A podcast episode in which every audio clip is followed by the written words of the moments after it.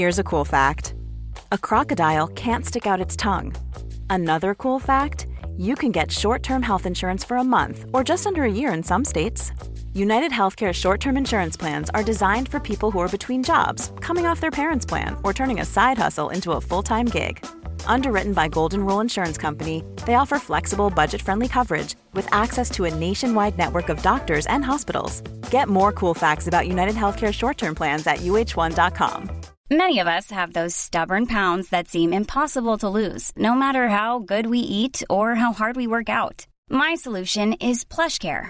PlushCare is a leading telehealth provider with doctors who are there for you day and night to partner with you in your weight loss journey. They can prescribe FDA-approved weight loss medications like Wagovi and Zepbound for those who qualify. Plus, they accept most insurance plans. To get started, visit plushcare.com slash weight loss. That's plushcare.com slash weight loss. I'm Sandra, and I'm just the professional your small business was looking for. But you didn't hire me because you didn't use LinkedIn jobs. LinkedIn has professionals you can't find anywhere else, including those who aren't actively looking for a new job, but might be open to the perfect role, like me. In a given month, over 70% of LinkedIn users don't visit other leading job sites. So if you're not looking on LinkedIn, you'll miss out on great candidates like Sandra. Start hiring professionals like a professional. Post your free job on linkedin.com slash achieve today. Året var 2002. USA var fortfarande ett land i chock, sorg och rädsla efter de fruktansvärda terrorattentaten som hade inträffat drygt ett år tidigare, den 11 september 2001. Under oktober månad 2002 skulle en ny mardröm utspela sig och en hel nation återigen sättas i skräck. Under ett antal veckor i oktober 2002 inträffade flera välkoordinerade och till synes slumpmässiga skjutningar i området kring Washington DC, Maryland och Virginia. Män, kvinnor och till och med ett barn blev skjutna på öppen gata, ofta mitt på blanka dagen. Ingen tycktes gå säker och folk vågade inte ens åka och handla mat eller tanka bilen. Den förmodade krypskytten befann sig alltid på långt avstånd och lyckades alltid komma undan. Men den desperata jakten på gärningsmannen fick äntligen sitt slut under de tidiga morgontimmarna den 24 oktober.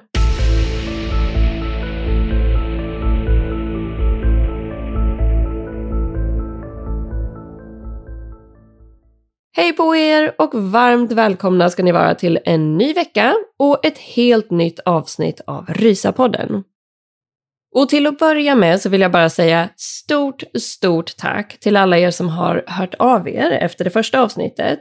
Och eh, vi har fått in så himla fina meddelanden och DMs och till och med mail. Så tusen tack för att ni har tagit er tiden att skicka in det, för att det betyder otroligt mycket ska ni veta.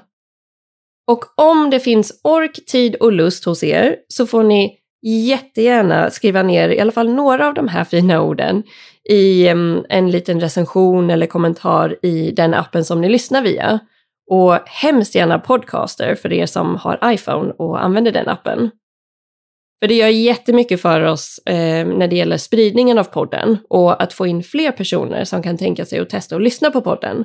Så ni som faktiskt gillar att lyssna på podden, att få era ord där betyder jättemycket. Så mm, tusen tack till er som orkar göra det. Men med det sagt så tänker jag att um, ni har ju fått en liten inblick i fallet här i introt. Och uh, den här veckan så blir det ju också ett avsnitt, men i två delar.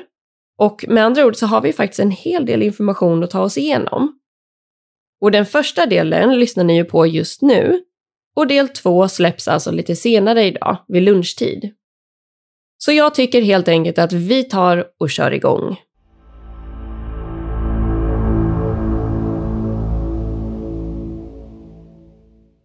Det här fallet utspelar sig i vad som brukar kallas för The Washington Metropolitan Area. Det här området inkluderar hela Washington DC men också vissa delar som tillhör de angränsande delstaterna Maryland och Virginia. Och jag kommer att nämna en hel del platser i det här avsnittet, så för tydlighetens skull så kan det vara värt att säga att Maryland ligger norr om Washington DC och Virginia ligger mer söderut. Runt omkring området Washington DC så finns det också en motorväg som kallas för The Beltway.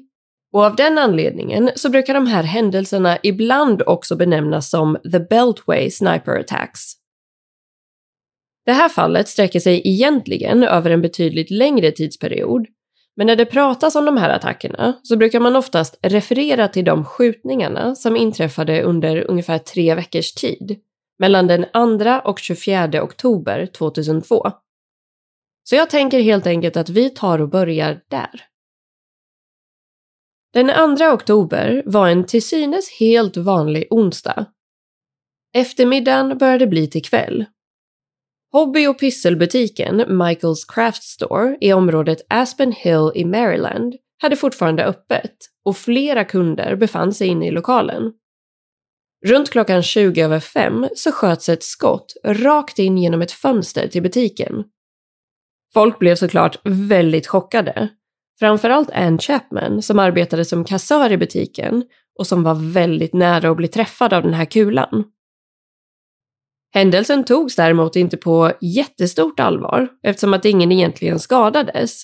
Så man utgick därför ifrån att det hade varit någon form av olycka. Ett antagande som senare skulle visa sig vara väldigt inkorrekt. Ungefär en timme senare så kom nästa skott. Ett skott som dödade 55-åriga James Martin i samband med att han skulle handla lite mat efter jobbet på Shoppers Food Warehouse i Wheaton, Maryland. James sköts ihjäl på parkeringsplatsen utanför och ingen såg vem som sköt eller varifrån skottet kom. Vittnen såg bara att han plötsligt ramlade ihop på marken i samband med att han gick mot ingången. Men de dödliga attackerna hade bara börjat. Dagen efter, den 3 oktober, skulle totalt fem personer mista livet. Den första skjutningen inträffade runt klockan 28 på morgonen och det första dödsoffret blev då 39-åriga James Sunny Buchanan. Han jobbade som trädgårdsmästare och just den här morgonen var han ute och klippte gräsmattan på sin arbetsplats som låg i närheten av Rockville, Maryland. James träffades också av ett skott och på avstånd till en början ska ingen ens ha förstått att det faktiskt var ett skott från ett vapen, utan flera personer ska ha trott att det kanske hade blivit något typ av mekaniskt fel i gräsklipparen och att det hela var någon form av olyckshändelse. Återigen skulle det här vara ett felaktigt antagande. Ungefär en halvtimme senare kom nästa dödliga skott. Offret var 54-åriga Premkumar Walekar han jobbade som taxichaufför och sköts ihjäl när han stod och tankade bilen på en bensinstation i Aspen Hill, Maryland. En kort stund senare, runt klockan 29, så släcktes ännu ett liv. Den här gången var det 34-åriga Sarah Ramos. Hon blev ihjälskjuten när hon satt på en bänk och läste en bok i närheten av ett köpcentrum i Norbeck, Maryland. Efter mordet på Sarah så dök det upp ett intressant vittnesmål. Det var då en person som hade sett en vit van eller mindre lastbil som hade kört från platsen väldigt snabbt precis efter att skottet hade avlossats. Det här vittnesmålet ledde till att väldigt många fordon med matchande beskrivning stoppades och genomsöktes av polis. Dessvärre skulle det här senare visa sig vara totalt slöseri med tid. För det var helt enkelt inte där svaren fanns. Drygt en timme efter mordet på Sarah så träffades 25-åriga Laurie Lewis Rivera av det fjärde dödliga skottet den här dagen. Hon hade stannat till på en bensinstation i Kensington, Maryland och höll på att dammsuga insidan av sin bil när hon plötsligt föll till marken. Nu hade alltså totalt fyra personer i ungefär samma område blivit ihjälskjutna och allting hade hänt inom loppet av drygt två timmar. Och det var först i samband med de här fyra skjutningarna under så pass kort tid som polisen insåg att det här absolut inte handlade om tillfälligheter och att det nu började uppdagas ett väldigt oroväckande mönster. Att de här morden troligtvis var sammankopplade på ett eller annat sätt. Det dröjde sedan ett par timmar innan nästa mord ägde rum. Det var först på kvällen den 3 oktober som den sista personen miste livet. Det vill säga den sista personen för den dagen. Men nu sköts det däremot inte i Maryland, utan precis innanför gränsen till Washington DC. 72-åriga Pascal Charlotte var då ute och promenerade när han sköts i bröstet mitt på öppen gata i samband med att han stannade till vid en korsning. Det här var runt klockan 20 över 9 på kvällen. Återigen fanns ingen skytt i sikte och skräcken började nu infinna sig ordentligt bland invånarna. Efter den här skjutningen ska polisen ha fått in vittnesmål om ett nytt typ av fordon. Mer exakt en blå Chevrolet Caprice som uppgavs ha lämnat platsen strax efter skottlossningen. Och det här var faktiskt ett tips som skulle visa sig vara högst relevant. Morgonen efter, det vill säga fredagen den 4 oktober, så hade bland annat The Washington Post rubriker på första sidan av tidningen som beskrev att fem personer hade skjutits ihjäl under gårdagen. Morden beskrevs som sniper-like attacks, alltså krypskyttsattacker. Och det framgick att polisen trodde att det handlade om en extremt kunnig och pricksäker skytt. Och att motivet fortfarande var oklart. Något som såklart inte lugnade befolkningen i området. Polis och myndigheter gjorde såklart allt de kunde för att försöka lugna och skydda allmänheten och för att få fast den eller de skyldiga. Till en början så leddes utredningen av polisen i Montgomery County, Maryland. Men så fort man insåg att morden med största sannolikhet var sammankopplade så startade man upp en enorm utredningsgrupp. Den här gruppen inkluderade bland annat omfattande stöd från FBI och till och med Secret Service. Men skjutningarna hade ju nu pågått under den 2 och 3 oktober och stora och chockerande rubriker började som sagt komma ut i media under morgonen den 4 oktober. Senare den här dagen så inträffade ännu en skjutning, men den här gången lite längre söderut i delstaten Virginia. 43-åriga Caroline Sewell blev då skjuten i samband med att hon packade in lite saker i bilen. Hon befann sig på en parkeringsplats utanför ett ställe som hette Spotsylvania Mall i området Fredericksburg. Trots att hon blev allvarligt skadad så lyckades Caroline mirakulöst nog överleva den här attacken och hon släpptes från sjukhuset ungefär tio dagar senare. Det finns dock inte särskilt mycket information om hennes vittnesmål men eftersom att Caroline, precis som alla andra offer, hade skjutits med ett skott från långt avstånd så hade ju hon dessvärre inte sett någon gärningsperson som hon kunde beskriva för polisen. Ett par dagar passerade efter det här och det började därför uppstå en viss förhoppning om att allting kanske var över nu. Men tyvärr var det långt ifrån hur verkligheten såg ut och vad som skulle hända härnäst.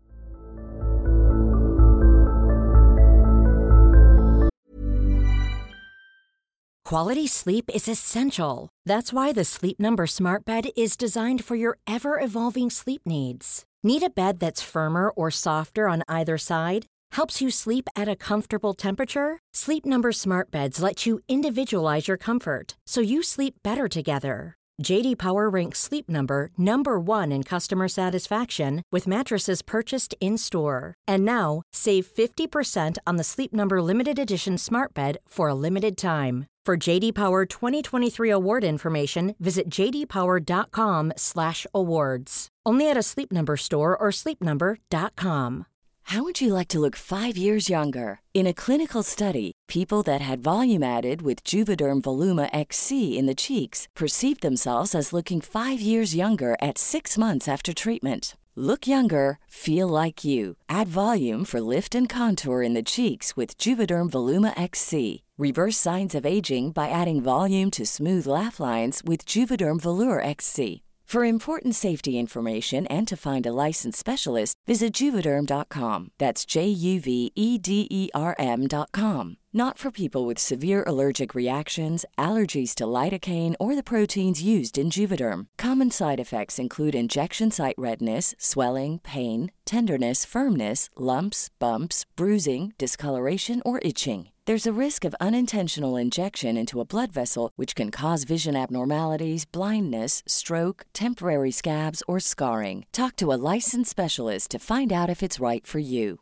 Cool fact a crocodile can't stick out its tongue. Also, you can get health insurance for a month or just under a year in some states. United Healthcare short term insurance plans, underwritten by Golden Rule Insurance Company, offer flexible, budget friendly coverage for you. Learn more at uh1.com.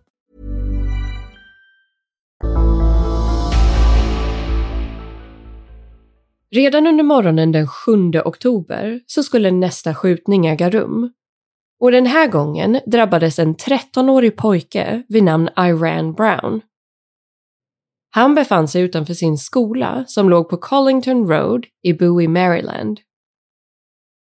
Iran hade precis blivit avsläppt och blev skjuten i samband med att han hade klivit ur bilen och ställt ner sin väska med böcker på marken. Även Iran träffades av ett skott i bröstkorgen som orsakade enorm skada på bland annat hans lever, lungor och mjälte.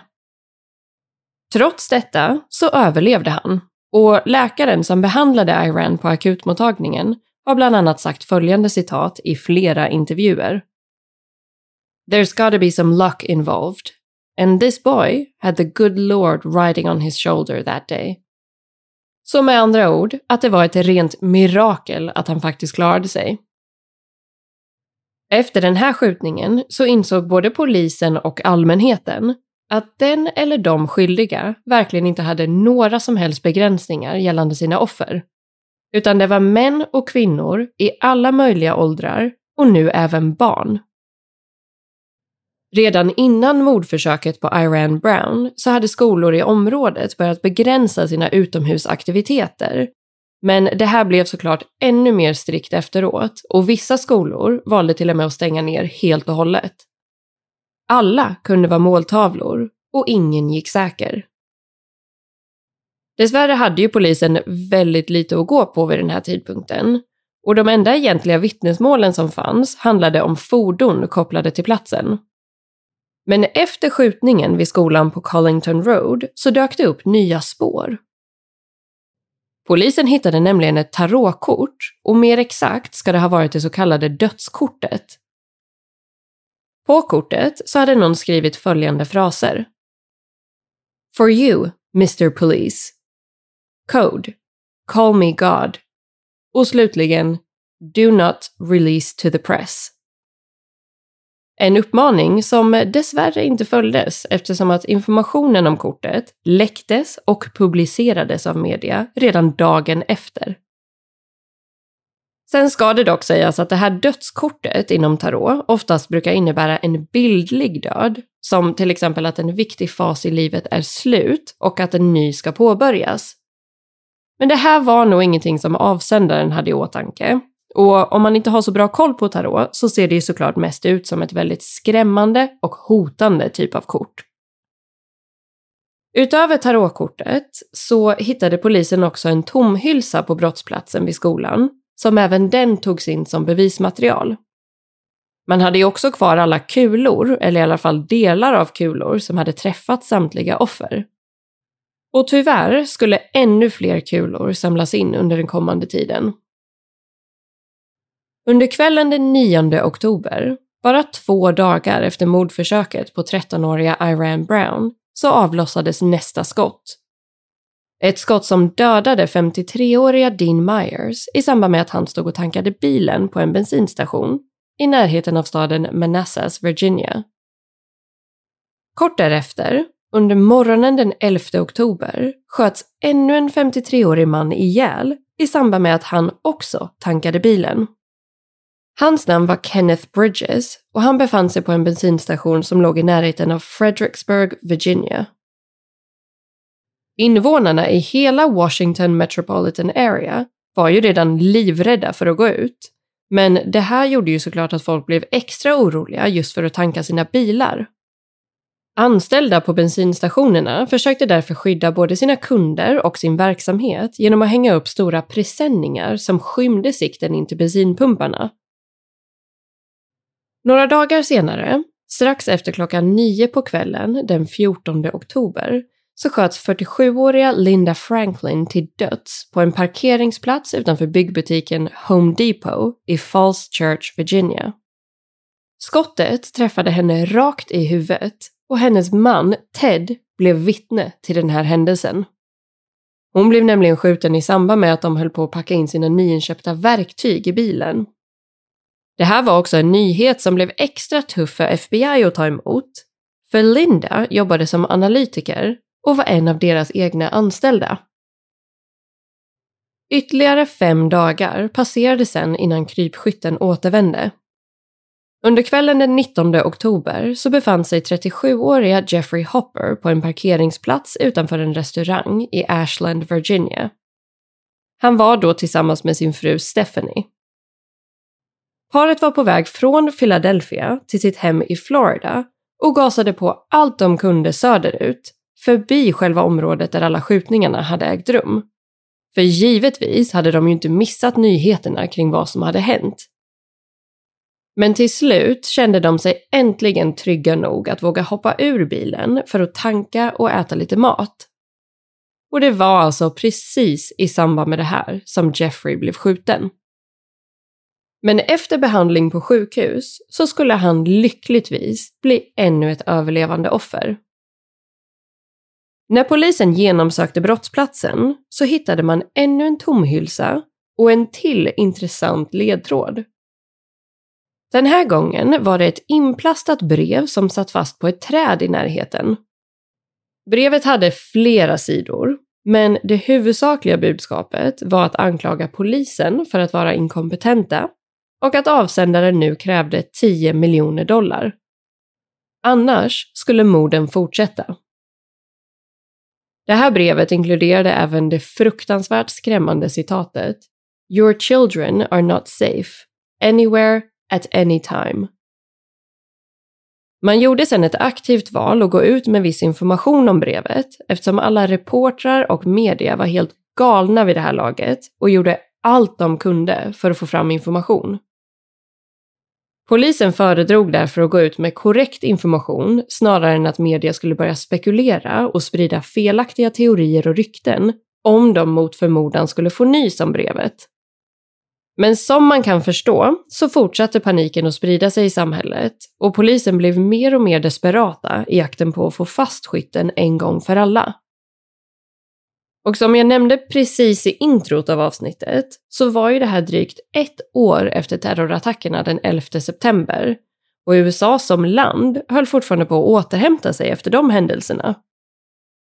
När skjutningarna först började så var därför förståeligt nog en av de första tankarna bland allmänheten att det återigen var terrorister som låg bakom attackerna. Det är såklart svårt att sätta sig in i hur det faktiskt kändes för invånarna att bo i just det här området under oktober månad 2002. Men det beskrivs verkligen som totalt kaos. Och myndigheter gick till och med ut med direktiv till allmänheten om att man helst inte skulle gå ut alls. Men om man nu var tvungen att gå ut så skulle man röra sig snabbt och gärna fram och tillbaka i ett zigzag-liknande mönster.